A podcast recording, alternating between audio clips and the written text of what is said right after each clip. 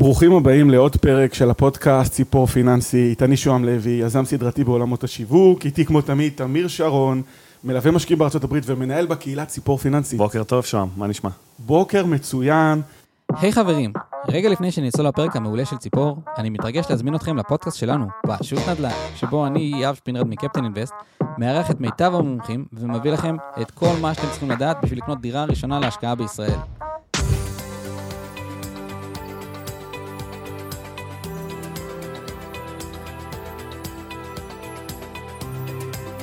היום איתנו ליאור קורנבלום.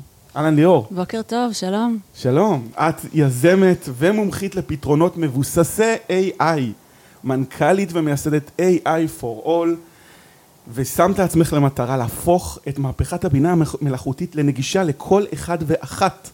במקביל, את משמשת כמנטורית לסטארט-אפים בגוגל. נכון מאוד. וואו. ברוכה הבאה. תודה רבה, כיף להיות פה. כיף לנו מאוד לארח אותך, והיום הפרק הוא קצת שונה.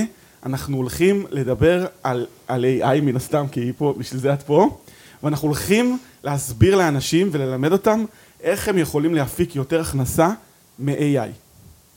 אז uh, אני רוצה בעצם להתחיל עם השאלה הראשונה, מה ההשפעה של AI על עתיד עולם העבודה? אז קודם כל, uh, עולם העבודה הולך להשתנות, בסדר? זה כבר, כל העולם הזה של ה-AI הוא סוג של מהפכה תעשייתית רביעית. ואנחנו, אני חווה הרבה התנגדויות, ואנשים אה, אומרים זה גל, זה יחלוף, לא נורא, אבל, אבל לא, זה כאן להישאר. אה, וזה הולך להשפיע באופן דרמטי. גולדמן סאקס פרסמו ש-300 מיליון משרות הולכות להשתנות, להיעלם או להתווסף, והעולם פשוט אה, בתהליך של שינוי, וזה משפיע על, על מפתחים, זה משפיע על אנשי HR, נשות HR, זה משפיע על customer support, ממש בכל התחומים. אז תבחרו איזה תחום ו- ונצלול לשם. נתחיל מהחשש הראשון של uh, הרבה אנשים, שבעצם ה-AI ייקח להם את העבודה. אז uh, מה יש לך להגיד ב- בעניין הזה? אז קודם כל יש מגוון דעות, ואני אציג פה את הדעה שלי, באמת מתוך uh, מקום צנוע, uh, כי אף אחד לא באמת יודע מה יקרה בעוד מאה שנים מהיום. הגישה שלי ושל לא מעט אנשים, היא שה-AI בא לשדרג את היכולות שלנו. הוא לא בא להחליף אותנו, וככל שנבין שהוא יכול באמת לגרום לנו להתעסק פחות ברוטינה, במשימות, שלא דורשות לבוא ולהפעיל את הראש יותר מדי, וכן להתעסק יותר באסטרטגיה ובחשיבה, אנחנו נצליח למצוא את המקום האידיאלי בין האדם למכונה. ובעצם מה, מה, מה אנשים, מה... תראי, אני חושב שאנשים מקשיבים אומרים AI הרבה מאוד אנשים עדיין אומרים, אני שם את זה בצד, כל אנשים ממקצועות חופשיים, עורכי דין, רואי חשבון, איך, איך ביום, למה בעצם זה חשוב לאנשים שמאזינים, אנחנו פודקאסט פיננסי, אנשים מאזינים לנו, או שהם שכירים או שהם עצמאים, למה חשוב להם לדעת באמת אה, להשתמש ב-AI, איך זה יכול לייעל את העבודה שלהם, איך זה יכול לקדש את הזמן שלהם? ולפני שאת עונה, אולי תסבירי ככה בכלליות מה זה AI, אה, שהצופים והמאזינים אה, יבינו. Okay. מה אוקיי. זה אומר? אז, אז בעצם AI זה בינה מלאכותית, ובינה מלאכותית זה משהו שבא לדמות יכולות חשיבה אנושיות. זה בגדול. לפני שנה, פלוס מינוס, פרץ הגל הזה של הג'נרטיב AI. זה אומר שעכשיו זה נגיש לכולנו, זה עבר דמוקרטיזציה, כולנו יכולים להשתמש ביופי הזה שנקרא בינה מלאכותית. פעם רק מתכנתים ואנשי data science יכלו להשתמש בזה. היום זה נגיש לכולם, ועכשיו יש שתי אפשרויות. או שבוחרים להשתמש בזה, או שאומרים, זה לא בשבילי. ומי שיבחר להשתמש בזה, יישאר רלוונטי בעולם, ומי שיבחר לא להשתמש בזה, פשוט יישאר מאחור. וזה, זו האסכולה שלי, ככה אני רואה שהדברים אה, מתפצלים. ולמה בעצם חשוב להשתמש ב-AI בשביל להישאר רלוונטיים? כי בעולם שבו תהליכי כתיבת קוד, למשל, מתקצרים בחצי בזכות שימוש בבינה מלאכותית, שווה למעסיק להעסיק מפתח שעובד מהר על פני מפתח שעובד יותר לאט. או אשת HR שיכולה היום לבוא ולכתוב אה, מכתב, למשל בצ'אט GPT, בחצי דקה, בעזרת התוכנה הזאת, מאשר אשת HR שייקח לה לכתוב את אותו דבר בשעתיים, עדיף את זאת שמסיימת יותר מהר, לא? זה, זה הלוגיקה הכי בסיסית של פרודוקטיביות ויעילות. איך, אה, אם, אם תוכלי קצת אה, לצלול יותר לעומק, איך ה-AI יכול לסייע לארגונים לייעל תהליכים? אם תוכלי יותר אה, לרדת לרזולוציות גדולות יותר. כן. אז קודם כל יש עולם של AI ועולם של Gen AI, Generative AI. אז ניקח מקרה. בחברה שהייתי בה בשבוע שעבר, חברה מאוד גדולה של טכנולוגיה, מחשוב והמון רכש, והם אמרו שיש להם יש בני אדם שמסתכלים על כל המערכות שמגיעות אליהם ובעצם רושמים את כל הפרטים של המערכת. אז בואו נדמיין מצלמה שבעצם מצלמת ועושה אנליזה לכל התהליכים האלה ומחליפה בן אדם, במקום שיהיה בן אדם שיעבור מחשב מחשב, מה רשום כאן, יש פה בעצם מכונה שלא צריך את הבן אדם בשביל החלק הזה של לתעד את הרישום. צריך את הבן אדם בשביל החלק של להפיק מזה אסטרטגיה, להבין אם הגיעו כל החלקים, מה חסר, איך אפשר להתייעל. זאת אומרת, יש פה ממש חלקים שארגון יכול לבוא ו- ולחסוך מעצמו ולהיות הרבה יותר אפקטיבי ביום יום, וזו דוגמה אחת קטנה. ו- ועכשיו תני לנו בעצם ממש אה, פרקטיקה. אני מניח שרוב המאזינים שלנו עכשיו, או לפחות חלקם, לא התעסק באף, לא, לא עסק באף כלי, כלי AI, לא השתמש בהם. איך מתחילים בכלל? מה עושים? הדבר הראשון והכי הכי הכי חשוב זה לשים רגע את ההתנגדות בצד, בסדר? זה לא קשור אם אני אוהבת את זה או לא אוהבת את זה, דמיינו רגע עולם בלי אינטרנט או בלי אקסל, אפשר לעבוד ככה בעולם? אני חושב שלא. לא, נכון? ברור, אינטרנט ברור, אקסל אני לא יודע אם הרבה אנשים משתמשים, אבל אה, כן. וורד, לכתיבת מסמכים? ברור, ברור, האינטרנט זה אצלנו בטלפונים, אה, פייסבוק, אה, טיק טוק, וואטסאפ, וואטסאפ בכלל, זה מבוסס על אינטרנט, כן? אז, זה אנשים לא... אז זה העולם שמחכה לנו בעוד עשר שנים, כולם יהיו בצ'אט GPT. אני כבר כל היום שם, אני, ואין דבר שאני לא משתמשת בתוכנה הזאת. תני לנו דוגמאות, מה עכשיו בן אדם, איך זה משפר מחר בבוקר את החיים שלו. אוקיי, okay. אז אם אנחנו מדברים נגיד על LLMs, LLM זה למשל ChatGPT, BARD, קלוד, כל מיני כלים כאלה שאפשר לכתוב טקסט. למשל, אם אני רוצה לכתוב מייל, אז אני יכולה פשוט לכתוב בתוך התוכנה, היי, אני רוצה להוציא מייל לספק הזה והזה, ששואל מה מצב ההזמנה. בסדר? כדוגמה, case study אחד. והופ, תוך פחות משנייה, יוצא לי מייל מוכן, באיזה שפה שאני רוצה, ואני פשוט עוברת על זה רגע, בודקת שזה מה שרציתי ועושה send. אני כבר לא צריכה להיות הצד שיושב וחושב איך זה נשמע, לנסח ככה או אחרת. אני עכשיו בפן היותר אסטרטגי, זה נראה לי או לא נראה לי.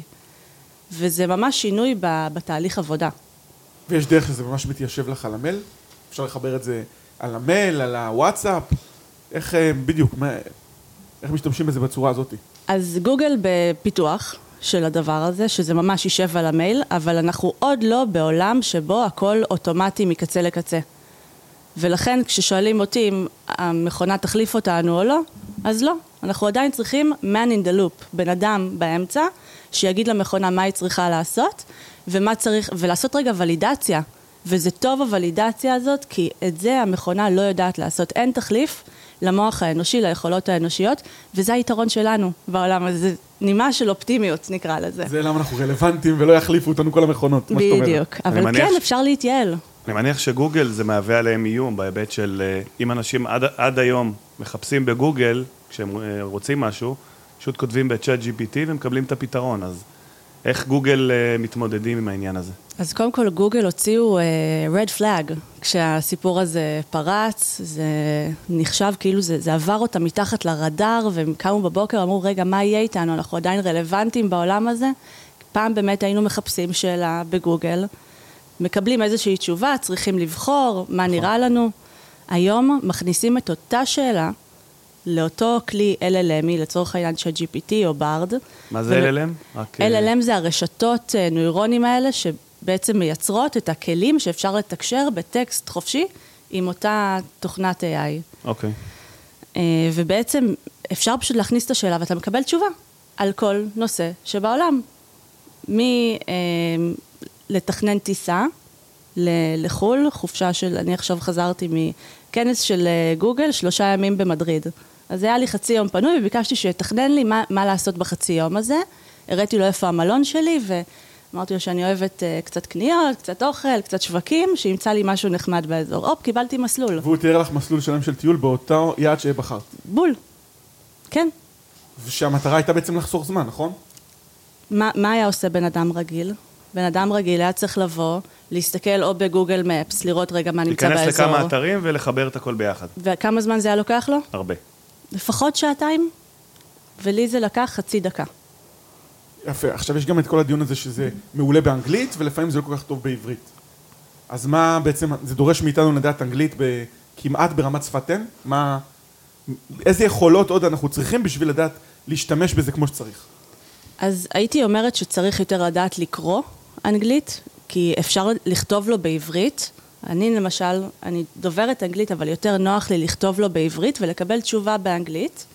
ומשם אנחנו מתקשרים, אני מדברת בעברית, והוא עונה לי באנגלית. כן, והוא עונה לא רע. בעולם שלפני שלושה חודשים הוא היה עונה בצורה פחות טובה, הוא פחות היה מבין.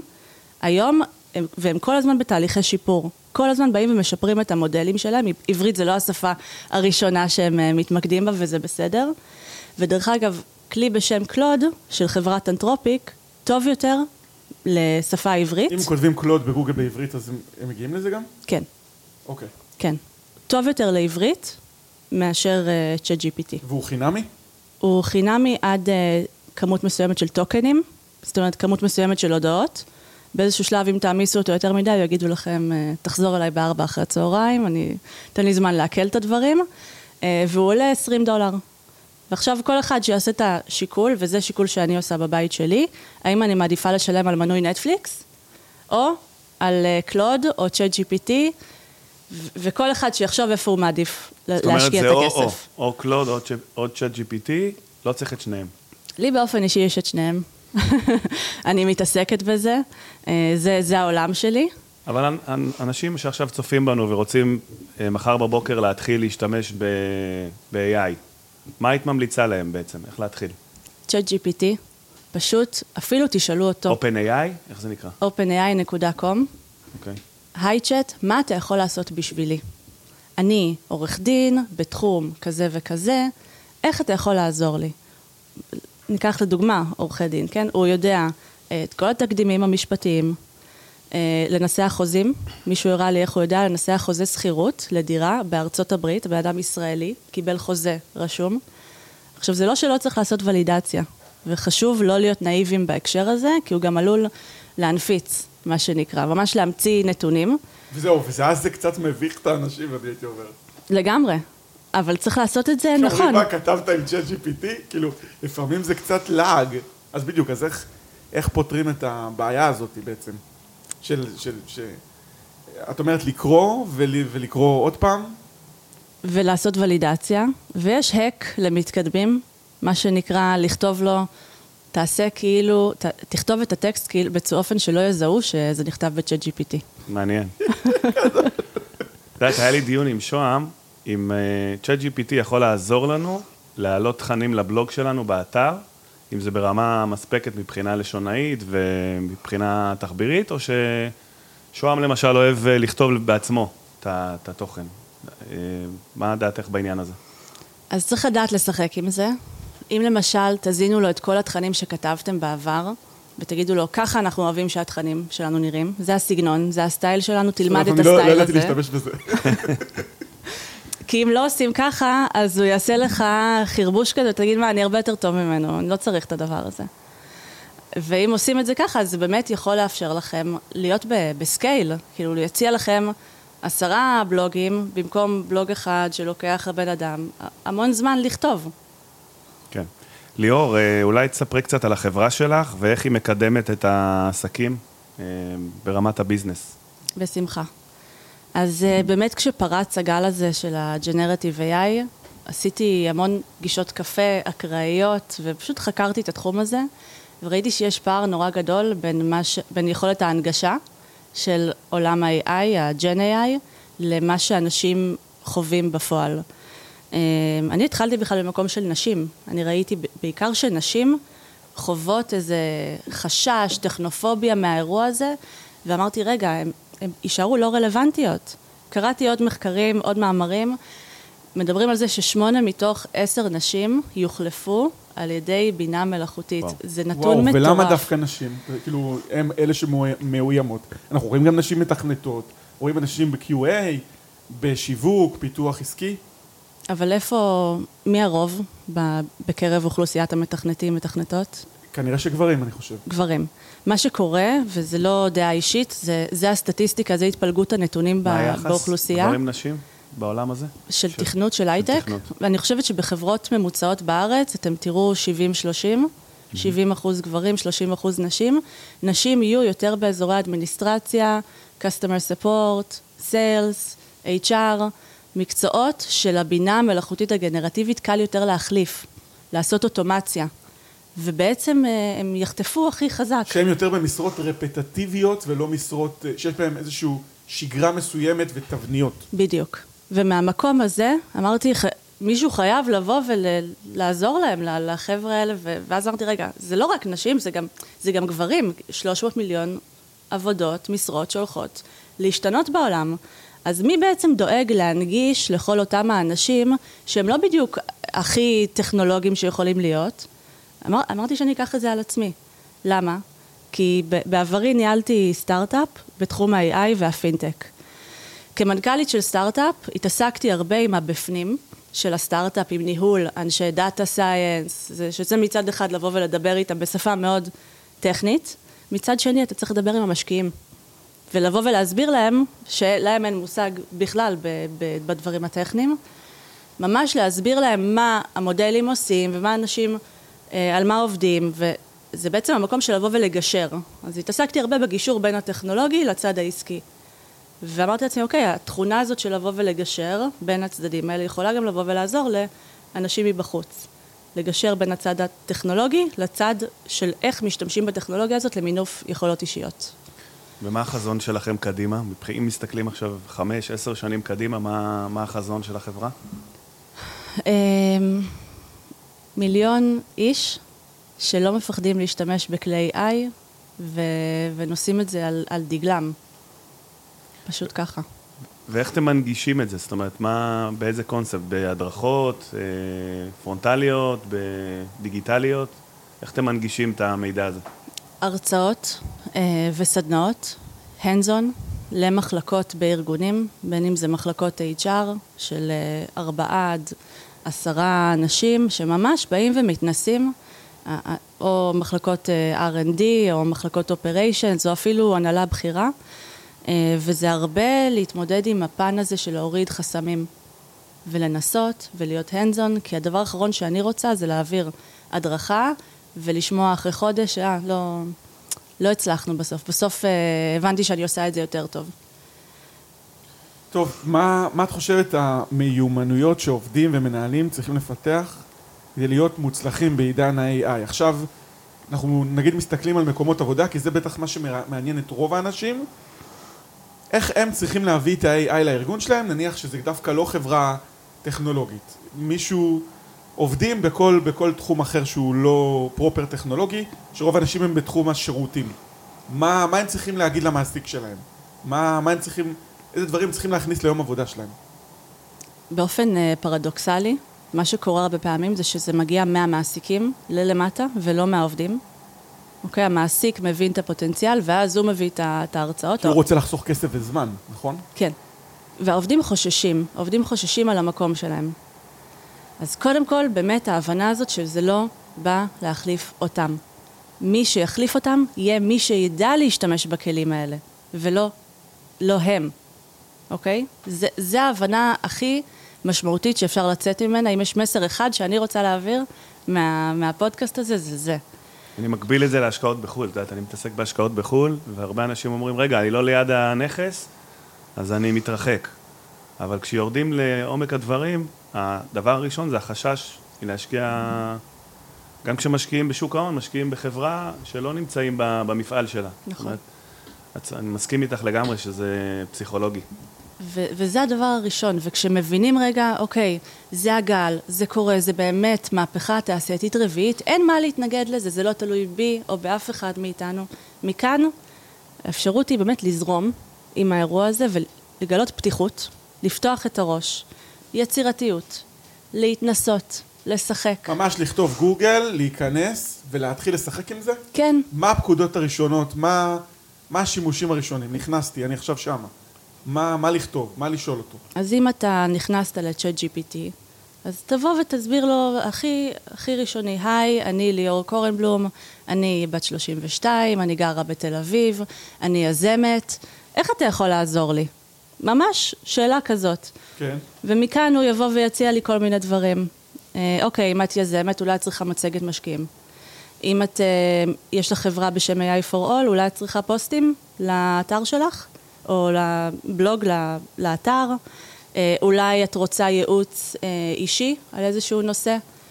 משם אני לוקחת את מה שמעניין אותי, את מה שאני חושבת שהרבה מהעבודה הרפטטיבית שלי יכולה להיחסך, ואני רוצה להשתמש בו אסטרטגית, כי אני רוצה לחסוך לעצמי זמן, אני רוצה להתייעל.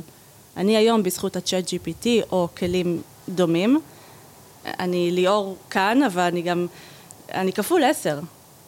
עכשיו הוא גם עובד בשבילך? בטח שהוא עובד בשבילי. מה הוא עושה עכשיו? כרגע הוא לא עושה כלום, הוא בפלאפון שלי. לא, אבל- יכול להיות שאת מדברת איתנו ונתת לו איזה פקודה, אני לא יודע כבר. אבל ברגע נתון אני יכולה לבוא ולבקש ממנו אלף ואחד דברים. מחקר שוק, אה, אני יכולה לבדוק על אה, מה מעניין אנשים באמת, לשמוע ב, אפילו בפודקאסט הזה, איך אה, להציג את עצמי בצורה הכי טובה, איך לשפר את הרזומה שלי. אין, אין דבר שהוא לא יכול לעשות. אז הטריק זה פשוט להתנסות. הוא יכול לתמלל לי פודקאסט למשל? בטח, אז מה, אני שם לו את הלינק כאילו? ומבקש ממנו לתמלל את זה. ממש ככה. או ספר. עכשיו זה גם ה-Chat GPT והכלים הנוספים, וזה כלים, יש מלא כלים מבוססי AI, אני מכינה מלא מצגות עם כלים מבוססי AI, כלי שנקרא גמא, למשל. אז אני רושמת לו, היי, אני מחפשת מצגת, למשל על מצב הטיסות שנכנסות לישראל, טיסות שנכנסות ויוצאות. ואז הוא אומר לי, אוקיי, אולי יעניין אותך אה, כמות הטיסות, אה, כמה אזרחים, לאן הם טסים, הוא ממש מפרק לי את זה, אני לא ביקשתי שום דבר. ואז הוא בונה לי מצגת, שקופיות שלמות עם תמונות, על מצב הטיסות היוצאות והנכנסות בישראל בזמן מלחמה. לי היה לוקח לפחות שש שעות לעשות דבר כזה. ובפחות מעשר שניות אפשר להפיק תוצר שלם. אם אנחנו מתייחסים למיד ג'רני ותמונות וכדומה, את רוצה לפרט על עוד כלים או בפרקטיקה איך אה, משתמשים בזה? אז אה, בכל הנוגע לאנשי marketing, שזה לדעתי יותר נוגע להם, זה גם אה, נחמד ומגניב וסקסי כזה לכולם לראות איזה תמונות מגניבות אפשר לייצר עם AI, uh, וגם לכותבי תוכן, דרך אגב, זה כלי מעולה. Uh, מה שהשימוש שלי, למשל, זה בצ'אט GPT 4, אני uh, משלמת על המנוי, ואז תוך כדי השיחות איתו, אני יכולה לכתוב לו עכשיו, תייצר לי תמונה. למשל, עשיתי את זה ממש uh, אתמול. רגע, מה ההבדל בין החינמי לבתשלום? מבחינת הגרסאות? בתשלום אני יכולה גם להפיק תמונות. אוקיי. אני יכולה לדבר איתו אה, ליותר אה, זמן, יותר טוקנים. אה, הוא, הוא, זו- יש לו זיכרון יותר ארוך. מה שקורה שלפעמים הוא שוכח. ממש כמו בן אדם. כשמבינים שהוא כמו בן אדם, זה גם מוריד מלא חסמים. בסדר, אתם זוכרים, הבינה המלאכותית באה לדמות יכולות אנושיות. כאילו, יש לי בן אדם שעובד בשבילי, זה מה שאת מתכוונת. בול. בול. יש היום ארגונים שלמים שהקימו, GPTs, מה שנקרא, כל מיני, אה, אה, פשוט GPT, שהוא אה, העוזר האדמיניסטרטיבי של המנכ"ל, וזה AI, זה לא בן אדם. GPT שהוא HR. אז זה חוזר שוב לעניין של החשש של העובדים מפיטורין. זאת אומרת, יש עכשיו עובד שהוא חושש מדבר כזה, והוא אומר לעצמו, אני רוצה להיכנס לעולם הזה, איך אני יכול להיכנס לעולם הזה בעצמי? אז מה היית מציעה לו? לעולם של ה-AI כן. או ל- לעבוד בתחום. לעבוד בתחום? ה-AI? כן, ממש לפתח תעסוקה. קריירה. בדיוק. מה, איפה ללמוד, אה, נגיד, מלבד לפנות אלייך, זה מעולה. מה חוץ מזה? יש אה, קורסים, איך להגיע לרמות באמת גבוהות שהופכות אותך לעובד הרבה יותר יעיל? אני מצאתי את הלינקדאין כפלטפורמה מעולה, פשוט לעקוב אחרי אה, עמודים רלוונטיים מעולם ה-AI, וזה פותח את הראש בצורה מטורפת. למשל, עולם הרובוטיקה, אני לא הכרתי אותו בכלל, ואתמול ראיתי כל כך הרבה סרטונים על רובוטים שהולכים כמו בני אדם, וזה גם משעשע, אבל גם מטורף, שאנחנו בעולם כזה שרובוט הולך כמוני, אולי זה, זה קצת מטריד אותי, נגיד, אם משהו יחליף אותנו. זהו, ראיתי תמונה של אה, רובוט שמגיש במסעדה, שמחליף אה, מלצר. לגמרי, אבל אה, השאלה איך הרובוט יגיב כשתגיד לו, לא טעימה לי המנה. מה, מה את חו... אוקיי, ומה עדיין נמצא בפיתוח? לאן זה הולך קדימה? נניח יש לנו פה עכשיו מאזינים שכבר הם משתמשים, מה עוד, מה עוד צפוי להם? זאת אומרת, לאן זה עוד יכול להשתכלל? אה, בדיוק, לאן, על מה עובדים עכשיו בקיצור? אז קודם כל העולם הוא לא רק צ'אט GPT, בסדר? ורק תוכן. העולם הוא גם uh, תמונות, uh, העולם הוא גם מצגות, שאפשר להכין עם uh, כלים מבוססי AI. תשאלו את עצמכם, מה הקשיים שלי היום בעולם, הדברים שאני מבזבז או מבזבזת עליהם הרבה מאוד זמן, והאם יש כלי בינה מלאכותית שיכול לעזור לי בנושא הזה. שם הייתי מתחילה, ואז עושה חיפוש בתוך ה-chat GPT ולא בגוגל, האם יש כלי שיכול לעזור לי בנושא של whatever. ממש ככה, ומתחילה לחקור ולקרוא, וזה סט אחר של יכולות בראש. זאת אומרת, אין לנו הרבה פעמים בחיים שאנחנו ממש מתנסים עם טכנולוגיות ו- ומנסים ובודקים מה יוצא, אבל אתם לא תאמינו איזה דברים מדהימים יוצאים משם. ממש ממש שווה לנסות, לגלות סקרנות. דבר, דברים שאני ניסיתי, עשיתי, כתבתי ל-chat GPT מה אני רוצה, ואז כתבתי את זה מהכיוון ההפוך, מה אני לא רוצה. Mm-hmm. ואז עשיתי הצלבות כאלה. זה משהו שאת עושה? בטח. הצלבות? בטח. אני אומרת לו, עוד משהו, אני אומרת לו, אם אתה לא יודע, תגיד לי שאתה לא יודע. וואו. כן, כי, כי הפונקציה... כי אחרת הוא מחרטט? הפונקציית מטרה שלו היא לרצות אותי. לא משנה מה, לתת לי תשובה. עכשיו, כשהוא לא באמת יודע, הוא ייתן לי, הוא ימרח אותי כזה, כמו שאנשים לפעמים עושים בחיים, לצערנו. אז אומר, אנחנו צריכים לחשוב כבן אדם לכל דבר, רק שהוא מכונה. זה מה שאתה בא להגיד לנו. הרי זה מה שניסו לעשות, וזה עובד ממש על רשת נוירונים מאחורי הקלעים, כמו שלנו יש בראש, במוח. זה מה שקורה שם, מנסים לדמות בן אדם. וכשמתייחסים לזה ככה, כל התהליך הרבה יותר נעים ונגיש וחברי. זה לא מחשב בצד השני שאני צריכה להגיד לו בשורה, אה, תוציא לי פלט על ככה וככה. לא. היי, האם תוכל להוציא לי פלט על נושא זה וזה, אני צריכה את זה למטרה כזאת וכזאת, אבל תיזהר בבקשה לא להנפיץ. אם אתה לא יודע, תגיד לי שאתה לא יודע. וואלה. מעניין. טוב, אני, עכשיו אני, אנחנו מדברים הרבה בפודקאסט על הגדלת הכנסות, זה פודקאסט פיננסי. הרבה אנשים בטח מתלבטים אם uh, לפתוח עסק, איך אפשר לפתוח uh, עסק, כמו שאת אומרת, מצגות, תכנים, שיהיה מבוסס AI, כמובן צריך ללמוד וצריך להשאיר את הידע, איך אפשר להגדיל עם זה את ההכנסות, נניח לא מדברים עכשיו על עבודה שכירה. מה, מה היית מציעה, לאן ללכת, איפה יש uh, הזדמנויות? אז קודם כל, אני, אני לא מאמינה שכסף גדל על העצים, בסדר? אני לא באה ל... להבטיח פה הבטחות uh, שווא. Uh, אני יכולה להגיד, קודם כל מהניסיון שלי כמנכ"לית של סטארט-אפ שבא לחזות נכסים בשוק ההון, uh, שהצלחנו לייצר הרבה מאוד כסף משם, בעזרת בינה מלאכותית, אוקיי? דמיינו לכם מדד ה-S&P, שאפשר לדעת מה יקרה לו בעוד יום, בעוד שבוע, בעוד חודש, ומי שמבין את זה מייצר נכנס נכון לשוק. אז זו דוגמה אחת, אבל צריך הרבה טכנולוגיה בשביל האירוע הזה, והרבה לחיזוי בעצם. חיזוי פיננסי, מבוסס AI, ממש ככה, וזו הייתה חברה של 50 עובדים. אז אם ניקח את זה, זה, זה בעולם של AI ה-traditional, נקרא לזה, אבל נתייחס לעולם הג'נרטיב AI. אה, קודם כל אפשר לשאול את הכלים מבוססי LLM, האם אתה יכול להציע לי כיוונים עסקיים נוספים? שהם רווחיים. אני מעוניינת להרוויח 100 אלף שקלים בחודש. התפקיד שלי זה, אני עורכת דין למשל, אני לא, אבל נניח. כן. מה אתה מציע לי לעשות? או תן לי מקרים מהיום-יום לאנשים שכבר עשו את זה. והוא יראה לי כל מיני ואיך הוא יודע אם דוגמאות. המידע לא ברשת, נגיד? המידע, קודם כל הוא סרק את כל האינטרנט. אני מאמינה שהכל נמצא ברשת. שווה לנסות. שווה לראות, והמידע אמור להיות שם. כן צריך לראות שהוא לא ממציא דברים, אבל ממש לתת לו את, ה, את האירועים האלה. או למשל, אני אה, עובדת ב-customer support, ואני רוצה לייצר לעצמי הכנסה צידית, אני גם יודעת לצלם, אוקיי? אה, איך אתה מציע לי לעשות את זה? אני מעוניינת להרוויח 20 אלף שקלים גג, למשל עד תקרה של אה, עוסק אה, פטור. מאיפה מתחילים? וממש אפשר לתת לו תפקיד. אתה יועץ עסקי עם 20 שנות ניסיון, תנחה אותי שלב אחר שלב איך אני פותחת אה, תפ... משרה של אה, צילום, והוא ממש ידריך אותי שלב אחרי שלב איך לעשות את זה. או ממש לרשום לו איך, איך אני עכשיו מגדיל הכנסות, ולקבל אה, פרספקטיבות, ומשם אה, להמשיך. לגמרי, רק לתאר לו מי אתה, מה אתה, מה אתה רוצה לעשות, להגדיל הכנסה זה יכול להיות בשקל. לד, לדייק את זה. כן. אוקיי.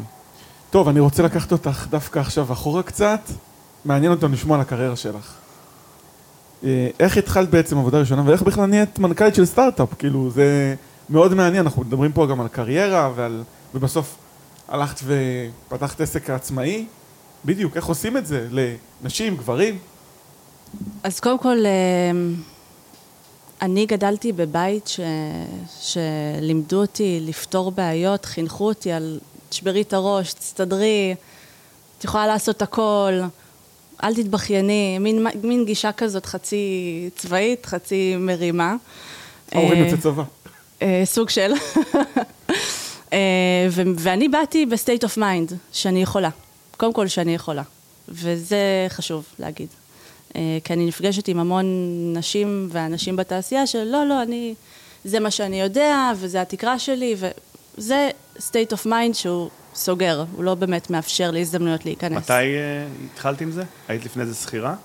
אה, כן, הייתי שכירה, הייתי, שירתתי בשלדג, ביחידת שלדג, הייתי ב. במודיעין של היחידה.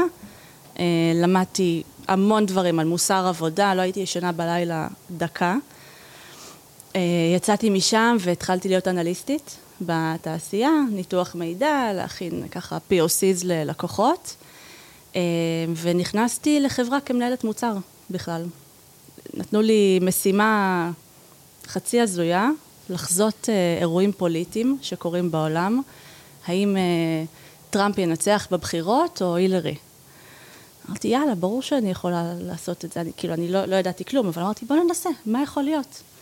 אה, והלך מעולה, ועם הזמן התקדמתי בחברה והפכתי ל-VP product, אה, ואז אה, היה צריך מישהו שינהל את כל הטרללת הזאת, ו- וסמכו עליי. מפה לשם, בגיל אה, 28, ניהלתי חברה של 50 איש, הפכתי גם לאימא לשתיים בדרך. כן, מאתגר. מאוד מאתגר. איך משלבים את זה? אמ, מה את אומרת לנשים פה כן. שמאזינות, שאנחנו באג'נדה של הפודקאסט להביא כמה שיותר נשים, אפילו שיהיו יותר פרקים עם נשים מאשר גברים. חד משמעית. אני לא אגיד שזה קל, בסדר? אבל, אה, אבל זה אפשרי, ובאופן אישי, לי זה עשה טוב גם לעבוד תוך כדי. אני הייתי בחופשות לידה מאוד קצרות, אה, כי עשה לי טוב לעשות עוד דברים. תמיד הייתי מין סלשרית כזאת, זה, זה נקרא היום. multitasking. בדיוק, זה עושה לי טוב לעשות עוד דברים, לפגוש עוד אנשים, קצת לצאת מהבית, אה, ומקסימום אני מביאה איתי את ה baby למשרד, זה, זה בסדר. כן, את יודעת, יש אבל גם גישה אנטי-פמיניסטית בה, שמבקשים מנשים לחזור לעבוד, כן? כאילו זה נראה... אז גם גברים מפחדים להציע את זה לנשים, אבל בעצם את אומרת שזה חסם שמונע מנשים להתקדם למעשה. נכון. זה בא ממני, אני רציתי, אף אחד לא אמר לי מה לעשות. אני רציתי, הייתה לי תחושת מחויבות מאוד מאוד עמוקה למקום. העובדים הרגישו שאני האימא שלהם, ואני הייתי קטנה מהם בחצי לפעמים. זו תחושת שואלים ש- אכפתיות. ולא שואלים שאלות, מה, אה, גבר בן 40 או אישה בת 40, הבחורה הצעירה הזאת תגיד לנו מה לעשות, לא, לא הרגשת את הדברים האלה לפעמים? הרגשתי, אבל שמתי את זה בצד. ובאיזשהו שלב, כשאתה מבסס את עצמך ומבינים ש, שיש משהו בתוך הראש ושזה לא רק החיצוניות והגיל, אז, אז אוקיי, אז ממשיכים, יאללה, בואו נעבוד. בואו בוא נפסיק להתעסק רגע בכל המסביב ונתחיל לעבוד על... יש לנו מספיק אתגרים. לחזות את ה-S&P זה לא אירוע קל, והגיל שלי פחות מעניין באספקט הזה. זה אירוע מעניין שאפשר לדבר עליו הרבה, על ה... כן, לחזות. אז אנחנו היה לנו הרבה פרקים על הנושא של השקעות, רוב הפרקים הם בנושא של השקעות ו... שוק ההון, כאלה. נדל"ן. אז כן, אז אולי יש לך איזשהו רעיון איך משקיעים בשוק ההון יכולים להשתמש ב-AI ובכלל בשווקים, או בנדל"ן. בשביל, או בנדל"ן ולהיות משקיעים יותר טובים. הנה, יש, לה, יש לך גם את החיבור של ה-AI וגם את ההיסטוריה שלך כמנכ"לית סטארט-אפ ב- בתחום. אז אני אגלה לכם שהסטארט-אפ אה, שלי, אני אומרת שאני יזמת. אני רוצה להקים סטארט-אפ שבא לעזור לנשים להיכנס לשוק ההון, כי ממחקרים שאני עשיתי, מרבית ההשקעות בשוק ההון, 80% הם של גברים, 20% הם של נשים, ואז עולה השאלה למה? למה נשים לא נמצאות בתחום הזה? אה, ושוב, זה מאותן סיבות היסטוריות. פסיכולוגיות. פסיכולוגיות, אני, זה לא בשבילי, אה, ו- ואני גם מכירה את זה, ברוב השיחות שאני הייתי, אני הייתי האישה היחידה בחדר, כאילו גם עם גופים פיננסיים שפגשתי, לא, לא היו נשים שם. אה, אז וזה קצת אבסורד, כי נשים הן יותר אה, שקולות בקטע של לצאת בירידות. זאת אומרת, נכון. גברים הרבה פעמים מונעים מ- מאימפולסיביות ויוצאים, ואז בעצם הם לא נהנים מהעליות של התיקון. בול, נשים יש להן ביצועים טובים יותר מגברים, זה האבסורד. אז איך את אה, פותרת את החסם הזה לנשים? אה, זאת אומרת, מה, מה הרעיון שלך אה, כדי לפתור את זה עבור נשים? אני לא רוצה שיגנבו לי את הרעיון. לא רעיון, איך את מכניסה ומובילה אנשים, איך בפרק הזה, שאני רוצה שאחרי זה תשלחי אותו לחברות שלך, וגם נשים יפיצו את הפרק הזה, שאנחנו רוצים ש... לתקן את העיוות הזה, וגם בקרב, אני אספר לך, בקרב המאזינים יש 17 או 20 אחוז נשים בלבד. אנחנו רוצים יותר נשים שמאזינות, צורכות, ובכלל, נשים שמאמינות. מה... בדיוק, איך לעשות את זה, איך נשים עושות, הן יכולות להתייעץ איתך? בטח, בוודאי. קודם כיף. כל, ברור. אה, תמיד שפונה אליי מישהי לעזרה, אני, אני עוזרת. כי יש מין אחווה כזאת אצל נשים. אני מאמינה בזה, שאנחנו חייבות לעזור אחת לשנייה, כמו שעזרו לי, דרך אגב. אז, אז אני עוזרת לנשים וגם לגברים. אני לא אנטי גברים הכל- בשום צורה. כן, אנחנו עושים תיקון, כן, עושים תיקון, רוצים ש... שגם גברים ייתנו לנשים שלהם את הפרק, ושנשים ייכנסו ויעשו, כי כמו שאת אומרת, נשים לא בשוק ההון, נשים יותר מאוימות ב-AI, שזה נטו פרק, וגם, הפרק הוא גם לגברים, אבל נכון. יותר, יותר לנשים. ו- ואני חייבת להגיד, הכל בראש. הכל, הכל, הכל בראש. כשמשנים state of mind, העולם משתנה. מה זה אומר? ורואים את זה בכל תחום. למשל, אה, הגשה של אה, קורות חיים למשרות מסוימות. נשים מגישות קורות חיים כשהן מתאימות לש- ל-100% מהדרישות, וגברים ל-60% מהדרישות. אוקיי? זה, זה לא יאומן כמה שזה יושב על האמונה העצמית. אז ברגע שנאמין בעצמנו יותר, העולם יראה אחרת בצד השני. ו- ויכולת להאמין בעצמנו זה, זה איך שגידלו אותנו. ככה אני מגדלת את הילדות שלי. את יכולה לעשות הכל. חד משמעית, גם אני מאמין בזה. הזכרת קורות חיים, ואני רוצה, ככה, מסקרן אותי לדעת אם לדעתך זה משהו שיוחלף, כי היום זה נשמע קצת אולד פשן, הקורות חיים. איך לדעתך אה, יקרו באמצעות ה-AI תהליכי הגיוס ל- לחברות?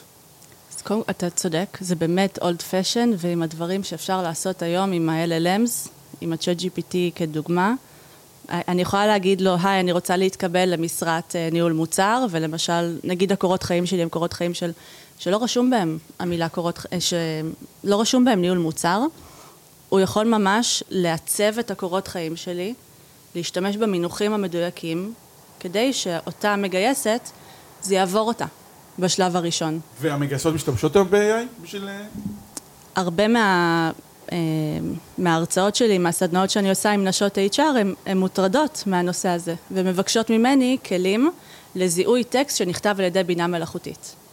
ואז אני אומרת להם, אין בעיה. אני אראה לכם כלים כאלה, ואפשר באמת לזהות טקסטים שנכתבו על ידי בינה מלאכותית. אבל האם זה אומר שהמועמד הזה לא טוב? לא, כי זה סטנדרט היום להשתמש ב-AI, זה בסדר, זה לגיטימי, וצריך גם לעכל את זה. אם למישהו יש אפשרות לבוא ולשפר את הקורות חיים שלו, את השפה, שלא יעשה את זה, כאילו למה?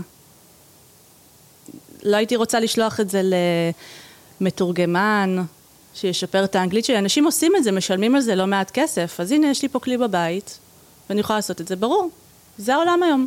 גם לדבר על זה בשקיפות, זאת אומרת, לא, לא להסתיר את זה. אני נכון. חושב שזה חשוב. נכון, ופשוט צריך להשתמש בזה בחוכמה. כי אם מישהו יגיע לראיון ויראו שאין לו שום קשר לניהול מוצר, אז he's gonna make a fool of himself.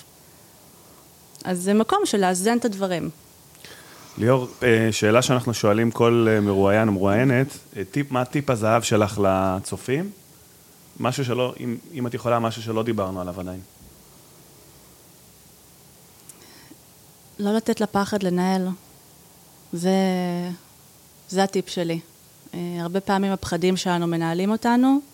אני לא אומרת לא לפחד, אני אומרת לא לתת לפחד לנהל אותנו בקריירה או ב, בכל דבר בחיים. לא לתת לפחד מתכוונת, אם אנחנו באמת מחברים את זה ל-AI, אומרים, לא, זה למתכנתים, זה לא בשבילי. אני לא רוצה לנסות, זה לא העולם שלי. כן, אני לא טכנולוגי, אני לא טכני.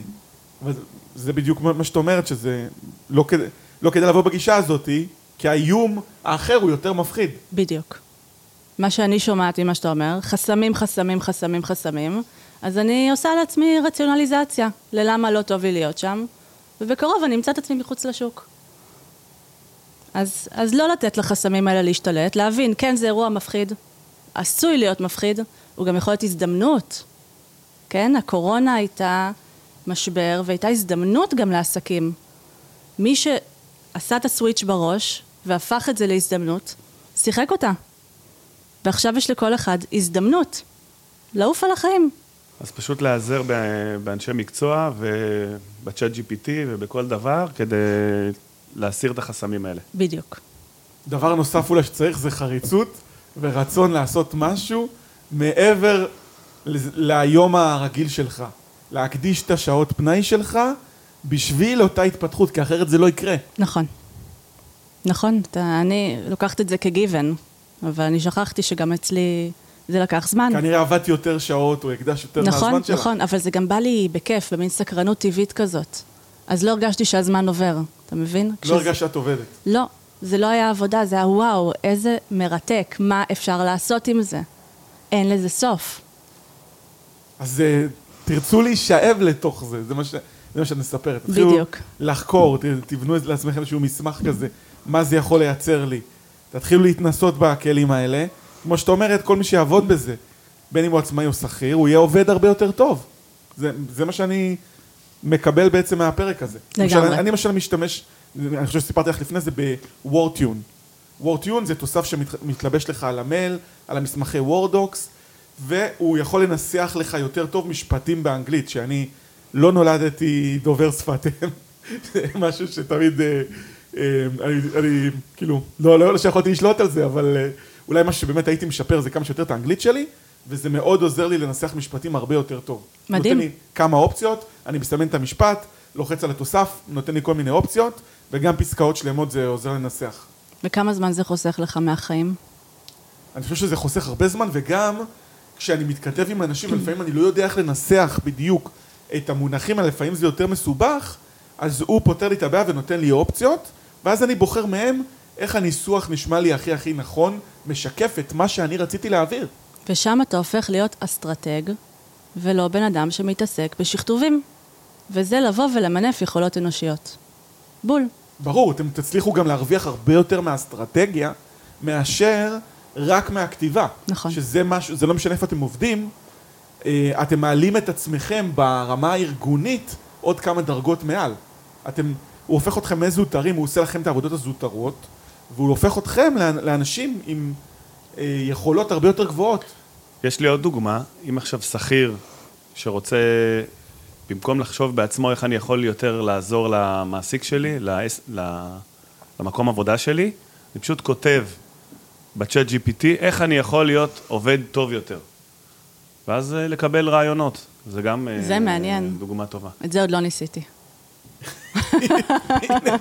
הנה, אז יש לנו פה אחלה, סיום פה לכל אחד, ואני מקווה שכל אחד ואחת, או אחת ואחד, הם ישתמשו בפרק הזה, התחילו להיכנס לכל הכלי AI האלה, ואני יכול לספר על עוד כלי מעניין, שאולי, אה, אני מניח שאת לא מכירה, כי הוא די חדש, אז, אה, אז נכנסתי לקבוצה של אה, פודקסטרים בפייסבוק, ויום אחד מישהו, מישהו כותב איזשהו פוסט, אם יש לכם פודקאסט ואתם מצלמים, אז יש לי איזה תוסף AI שמוציא לכם את הרילס באופן אוטומטי. וואו. אז ת- כן, אז אני אראה לך אותו אחר וואו. כך. קוראים לזה רקליפס, מי שמתעניין.